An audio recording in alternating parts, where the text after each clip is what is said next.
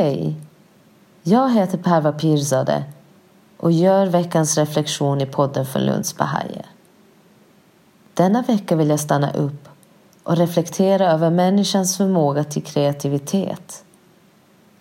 Projektet The Virtues Project är en samling med hundra olika beskrivna dygder och här beskriver de kreativitet som följande.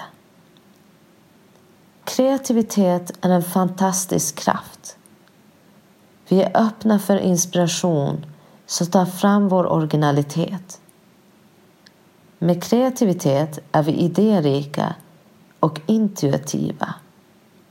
Vi löser problem på nya och överraskande sätt.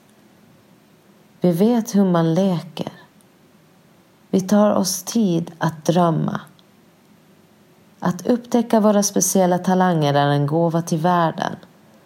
Antingen det är att tillreda en måltid, utöva en sport eller skapa ett hantverk. Kreativitet förbinder oss med skönhet i ljud, design, färger, rörelser, idéer och ord och låter oss tillföra något nytt till världen. Kreativitet får våra talanger att bära frukt. Jag älskar hur egenskapen beskrivs och vill försöka beskriva min egna resa med kreativitet. Jag stötte på en förmåga och kreativitet tidigt i mitt liv. Det var i mitt rum som jag delade med min kära syster Perdis som den dök upp. Vi båda älskade att lyssna till musik och vips stod vi där och shakade loss. Det visade sig att dessa stunder var en av de viktigaste utrymmen för min kreativa resa. Det som höll på att hända var att jag var igång med att hitta ett nytt språk. Mitt språk genom att utforska kroppen i rörelse till musik. Själva erfarenheten var djupt intuitiv och känslan av att bara ge sig hän och leva i nuet var essensen. Ända sedan dess har jag vänt mig inåt och utåt i dans och ibland kommit vidare med svåra känslomässiga problem. Jag har gett mig själv tid till att drömma och fått en vacker gåva. Ett språk jag aldrig kunnat leva utan. Jag har ett annat starkt minne från när jag var barn och det var under en barnklass där min lärare Nahid Brotström bad oss tänka över vad en tjuv kan ta ifrån oss. Vi barn räknade upp en massa materiella saker som svar på frågan. Sedan bad Nahid oss att tänka på saker som en tjuv aldrig kan ta ifrån oss. Och då förstod vi alla våra inre egenskaper måste vara svaret. Här vill jag läsa ett citat från Baha'u'llah som beskriver ett sätt att leva. Bygg åt er sådana hus som regn och översvämningar aldrig kan förstöra. Sådana som skyddar er mot förändringarna och tillfälligheterna i detta liv.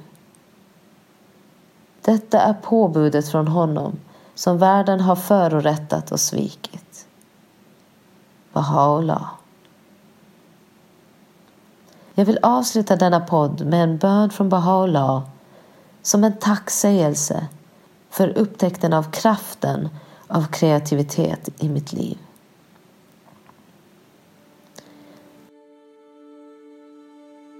Förhärligat vare ditt namn, och Herre min Gud.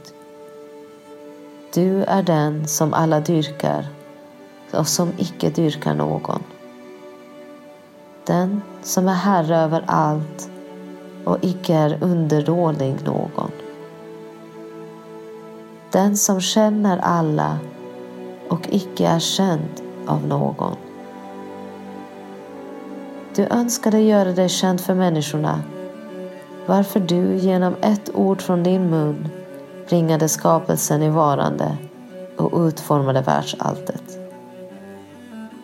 Det finns ingen Gud utom du, utformaren, skaparen, den allsmäktige, den starkaste. Jag bönfaller dig vid det ord som lyst fram över din viljas horisont. Att sätta mig i stånd att dricka djupt av det levande vatten genom vilket du skänkt liv åt dina utvaldas hjärtan och vederkvickt själarna hos dem som älskar dig.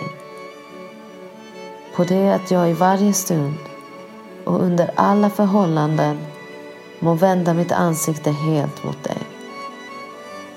Du är maktens, härlighetens och frikostighetens Gud. Ingen Gud finns jämte dig. Den högste härskaren, den allhärlige, den allvetande. Baha'u'llah.